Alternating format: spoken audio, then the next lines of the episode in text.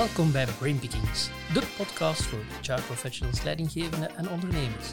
Niet met Leslie deze keer, maar met Sven van Zigzag HR. En ook ik daag jou uit om jezelf en je vakgebied heruit te vinden. Abonneer je dus zeker op dit YouTube-kanaal of volg ons via je favoriete podcastkanaal.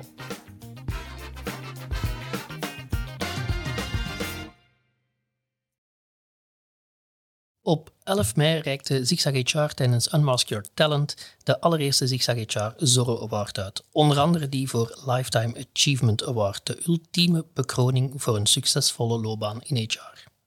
Jan van Akkeleien mocht die award naar huis, met die award naar huis gaan. En al die expertise, kennis en ervaring willen we natuurlijk zoveel mogelijk met jullie delen. Daarom kruip ik vandaag in deze podcast in zijn hoofd en het gaat er druk worden, want ik neem Christine van den Bergen mee CEO van Lijncom en awardpartner van de Zigzag HR Zorro Awards. We gaan het hebben over change, reskilling, vertrouwen, HR-trends en nog zoveel meer. Welkom. Dag Jan, de Lifetime Achievement Award. Wordt het nog beter dan dit, denk ik dan? Sinds 2016 ben je aan de slag bij Proximus, uh, na een heel mooi parcours bij uh, voornamelijk high-tech bedrijven zoals Alcatel, Agfa, Gevaart, Barco. En jij zet het people-beleid in elk van deze bedrijven op de agenda. HR-professionals zien in jou niet alleen een inspirerend leider, maar ook een, gerespecteerde stem in HR en daarbuiten. Als human capital leader heb je heel wat change begeleid. En verandering gebeurt niet door een burning platform te creëren, heb ik ooit gelezen in een interview met jou, maar wel door perspectief te bieden. Liep daar ergens een rode draad? Uh, is er iets wat dat onmiskenbaar is gebleken uh, in elk van die projecten? Ik denk voor eerst, uh, Sven, dat niet alle projecten even succesvol waren. Dus uh, er zal altijd wel een rode draad uh, geweest zijn. maar of dat ze allemaal even succesvol waren, dat weet ik niet. Maar als ik kijk naar de projecten waar ik denk ik meest fier op ben, dan hebben die te maken met teamwork. Die projecten doe je niet alleen eigenlijk.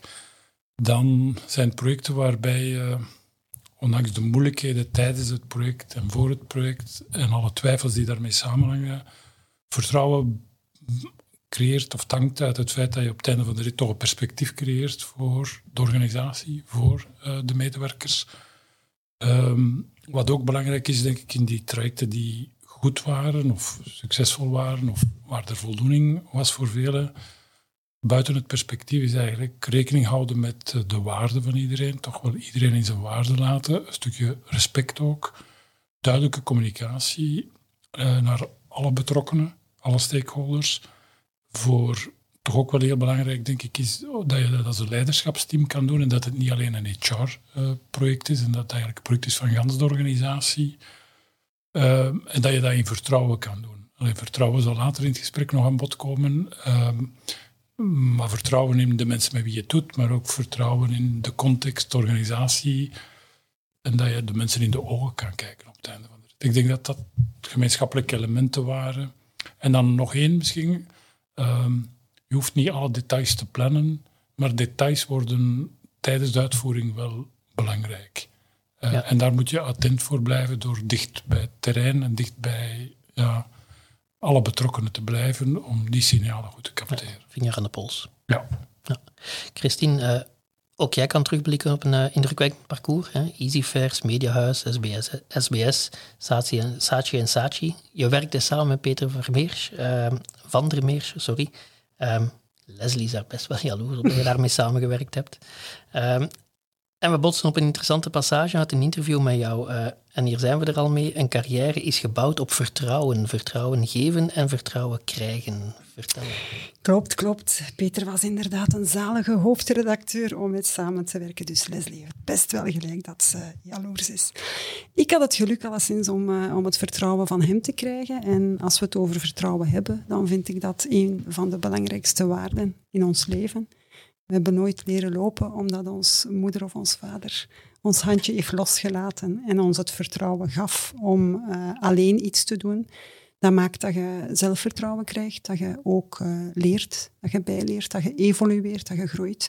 En eigenlijk is, dat in het bedrijfsleven niet anders.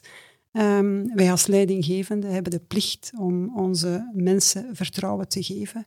Weliswaar, vertrouwen geven betekent ook hè, vrijheid geven, maar verantwoordelijkheid nemen en dat is tweerichtingsverkeer. Um, en het is, uh, het is net dat vertrouwen geven dat je als leidinggevende ook heel veel voldoening geeft. Want vaak kunnen mensen iets beter dan dat jij het zelf kan. En leer jezelf doordat je iets uit handen hebt gegeven. Dus voor mij een belangrijke waarde. Ja, inderdaad. inderdaad. Uh, nog een belangrijke waarde is denk ik duurzaamheid. Hè. Uh, we moeten mensen duurzaam aan de slag houden, context creëren waarin iedereen een duurzame loopbaan kan, uh, kan uitbouwen. Maar wat betekent dat duurzaam? Toen, toen ik die vraag hoorde, Sven, duurzaam. En wat zit er in dat woord duurzaam? Is eigenlijk iets wat blijvend is mm -hmm. en ook iets wat van waarde is eigenlijk. En, en duurzaam loopbaan, duurzaam werk heeft te maken met, denk ik, blijvend waarde realiseren voor de mens, individu, maar ook voor de organisatie en ik denk ook een stuk voor de samenleving of de context eigenlijk. Als je naar mensen kijkt, heeft dat voor mij toch wel te maken met, uh, werk heeft iets te maken met identiteit. Uh, kan je daar een identiteit, uh, is dat een stuk in lijn met je waarde, denk ik dan heeft ook te maken met zelfwaardegevoel. Helpt werk om een stukje in je waarde of waarde te realiseren, ook voor jezelf. Een stuk ontplooiing, een stuk bijdrage kunnen geven is daar essentieel in. maar het is iets wat voor veel mensen verschillend is ook. Ehm, dus in die zin vind ik het ook niet te vatten. Wat voor jou duurzaam is, is misschien voor mij minder duurzaam. Dus het is vaak een individueel verhaal, maar wat gemeenschappelijk is, is voor mij is dat je toch wel mensen in hun kracht probeert te zetten en helpt om keuzes te kunnen en te durven maken om dat werk te kiezen dat voor hun inderdaad duurzaam is. Ja. Ook een stukje purpose, hè? waarde creëren, toegevoegde waarde creëren. Als je dat kan doen in je werk, dan heb je ook het gevoel dat je goed bezig bent. Um, daar is ook een stukje reskilling, komt daarbij kijken. Um, ik vind het super belangrijk dat mensen blijven leren. Mm Ik hamer daar echt op in de organisatie. Ik zeg ook van kom alsjeblieft met opleidingen. Ik ga je niet leren kantklossen. Maar ik wil wel dat mensen bijblijven, meeblijven, zeker met de evolutie die er digitaal voor ons komt. Hè. Artificiële intelligentie, hoe gaan we daarmee om? Onze job gaat er helemaal anders uitzien binnen vijf jaar. We moeten ons daar bewust van zijn. En we moeten dat vooral omarmen en daar geen schrik voor hebben. Um, en ik denk dat we duurzaam, ik vind het ook een beetje een moeilijk woord, wordt vaak te pas en te onpas ge, gebruikt. Dus ik, ik hou ervan dat je zegt dat het meer met waarde en met purpose te maken heeft. Ik denk dat we sowieso um, dat moeten omarmen. En dat we moeten die toekomst uh, bij ons houden en die, die uh, een warm hart toedragen en niet van ons afduwen en niet zeggen het wordt allemaal slechter. Nee, leer bij, omarm die vernieuwingen en dat zal ervoor zorgen dat je ook in de toekomst gelukkig kan blijven in je job. Ja. Nu, voor een, een groot bedrijf zoals Proximus, hè, hoe, hoe, kan je dan zorgen dat iedereen effectief die kansen blijft krijgen om, om zich te ontwikkelen of, of te reskillen? Ik denk, alleen voor hoe we het bij ons trachten te doen, en ik denk niet dat het voor de 10.000 mensen altijd even succesvol zal ingevuld worden. Ik denk één, echt investeren in opleiding. Dus, dus, en opleiding niet alleen op vraag van het bedrijf, maar ook op het initiatief van ja. iedere medewerker. Dus er is veel keuzemogelijkheid, waarbij we echt inzetten op uh, de basics, bijblijven, maar ook echt fundamenteel reskillen, upskillen naar een andere job als mogelijkheid. Maar leren doe je niet alleen formeel, doe je ook door intern mobiel te zijn. Dus er zijn meer dan duizend mensen per jaar die een andere job innemen Leren doe je ook door samen met andere projecten te doen. Uh, door projectwerk, niet alleen met vakgenoten, maar ook met mensen van andere disciplines. Dus in een agile organisatie organiseer je dat ook met andere teams samenwerkt eigenlijk.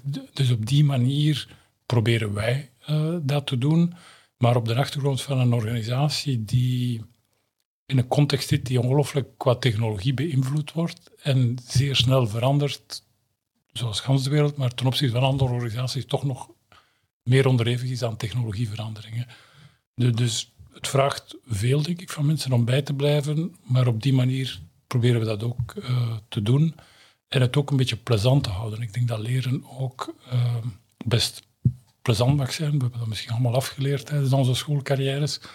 Um, maar het is eigenlijk iets wat toch wel dagelijks inspanning vraagt, zowel van de medewerkers van de organisatie, om tijd te maken, hoesting te krijgen, die extra effort te doen. Dus blijft eigenlijk uh, ja, bezig zijn als het, om, om mensen mee te pakken in die veranderingen. Ja, uh, ja, je, bent zelf, uh, of je hebt zelf een master in pedagogische wetenschap.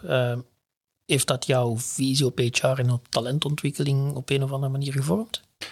Ongetwijfeld Waarschijnlijk wel, um, maar het is een beetje uh, iets grappig, want wij komen af en toe met generaties studiegenoten samen en het is een beetje een team van diaspora, dus, dus we hebben voor onszelf eens gefilosofeerd van hoe komt het nu dat wij andere dingen gaan doen zijn. Dus we hebben pedagogische wetenschap een beetje herdoopt als een managementwetenschap, omdat pedagogie vertrekt van ontwikkeling, verandering. Hè, dus mm -hmm. naar iets waar je mensen begeleidt, ontwikkelt. En dat je ook vertrekt van een fundamentele geloof in ja, ontwikkelbaarheid. Niet in de absolute termen, maar wel ergens in de, binnen context en binnen beperking van ontwikkeling. Um, en je gelooft ook in verandering, dat mensen kunnen veranderen. En, dus ik denk het fundamentele geloof van veranderen is mogelijk, veranderen doe je samen met anderen en leren is belangrijk. En in die verandering en leren doe je op verschillende manieren. Dat zijn dingen die ik zeker uit opleiding mee gepakt heb en die vandaag ook nog maken dat ik op een bepaalde manier in die job sta. Ja. ja. Maar als we het over leren hebben, hè, um, Christine, jij, jij bent niet enkel CEO van Lijncom, maar je runt ook uh, mee um, All About Sea, uh, een evenementenbureau. Um, ja, je, leidt twee bedrijven. in welke mate verrijken die twee jobs elkaar? Oh, sowieso, ik ben altijd intrapreneur geweest, dus ik heb altijd uh, in dienst geweest voor bedrijven waar dat ik werkte alsof dat het mijn eigen bedrijf was. Dus uh, in, in dat opzicht maakt het niet zoveel verschil.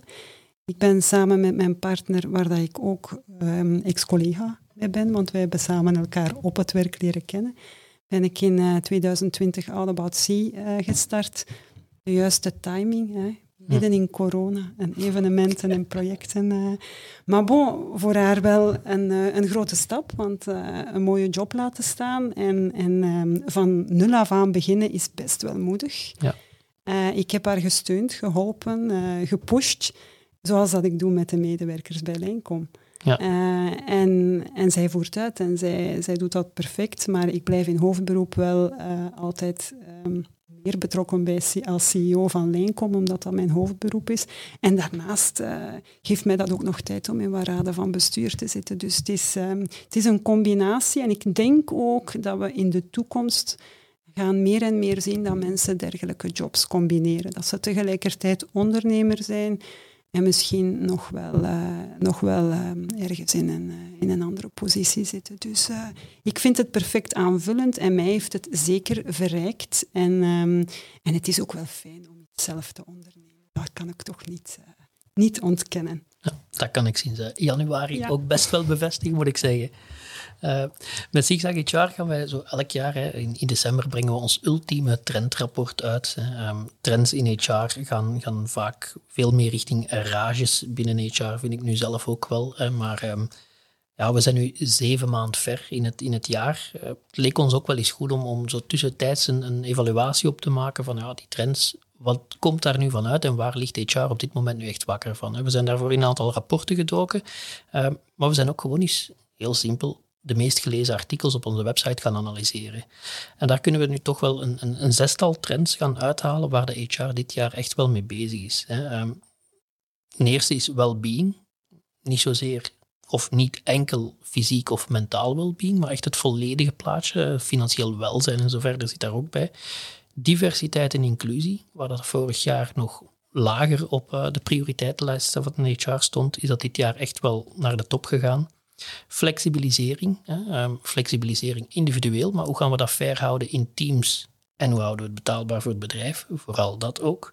Um, de veranderende rol uh, en skills van HR zelf is er eentje. Um, alles wat, uh, wat managing workforce, ecosystemen is en generatie Z. Dat zijn zo de zes, de zes trends waar ik met jullie misschien toch ook wel eens even over wil hebben. Ik stel voor dat jullie er elk eentje, eentje uitpikken en er eens even op, op ingaan. Jan? Oh, ja. Of Ja. Christine, doe maar. Ja. Wel, dan zou ik eh, spontaan well-being eh, kiezen. Niet toevallig omdat we met All About See Well at Work hebben georganiseerd, maar omdat ik ehm well-being, het eh, goed zorg dragen voor de mens, gewoon als eh, persoon ook belangrijk vind. In een organisatie hebben we als leidinggevende ook wel eh, die verantwoordelijkheid om, eh, om, dat, om dat eigenlijk goed te houden en om daar de nodige aandacht aan te geven. Maar ik denk als je maatschappelijk kijkt hoeveel langdurig zieken er vandaag zijn, dat het, eh, dat het echt iets is waar dat we nog veel meer aandacht moeten aan geven, zodanig dat mensen op een goede manier de combinatie kunnen maken tussen hun werk en hun privéleven. Ook met gezondheid bezig zijn. Ik heb bijvoorbeeld zelf bij Lijncom ook een programma opgesteld waarbij dat ik echt wel daar regelmatig in meetings op, eh, op terug zal komen en waar dat ik de mensen ook echt wel stimuleer. En waar dat ik ook een budget uitgetrokken heb, zodanig dat ze zich ook, eh, elk individueel, want er is niet zoiets als eh, één oplossing voor, die voor iedereen geldt. Maar ik vind het, ik vind het een heel belangrijke, omdat het maatschappelijk nog aan belang zal toenemen. Dat we daar als leidinggevende een zeer belangrijke rol hebben. Maar ik zeg ook altijd, het is een gedeelde verantwoordelijkheid. Ik kan ik mijn checkboek bovenhalen, maar als zij er niks mee doen, dan blijft het, eh, dat klopt. dan blijft het eh, geen moeite, niet de moeite waard. Dus, eh, dus voilà. Ik, maar de anderen zijn ook zeer interessant. Dus ik stel voor Jan. Eentje hadden we gezegd. Ja, nu, nu ben ik verplicht om een ander te nemen. Ah, jij wou dat ook niet. Nee, nee to- toch niet, maar ik heb echt getwijfeld tussen twee. Dus eh, aan de ene kant, het- ik zal direct zeggen wat ik denk, nee, maar flexibilisering versus fairness, betaalbaarheid. Dat is zo gans het idee van rechten en plichten en waar Ja. zitten de grenzen van de organisatie. Vind ik een verschrikkelijk eh, belangrijk eh, thema, maar ik zou dan toch willen kiezen voor managing workforce ecosystemen. Ik kan onmiddellijk toelichten waarom. Ik denk, allee, ook voortbouwend op jou, dus langdurig zieken, ehm noemen dat in het Engels tegenwoordig heel mooi human energy crisis, eh, maar eh, ik denk dat veel van de oplossingen van hoe dat we mensen in duurzaam werk en ehm, ja, zinvol werk en dergelijke hebben, dat veel van die oplossingen eigenlijk niet binnen de grenzen van één organisatie zitten, maar kunnen opgelost worden over organisaties, over sectoren. En voor mij is het die managing workforce ecosystemen eigenlijk juist de waarde van dat concept Ja. om mensen over grenzen van organisaties duurzaam aan de slag te hebben.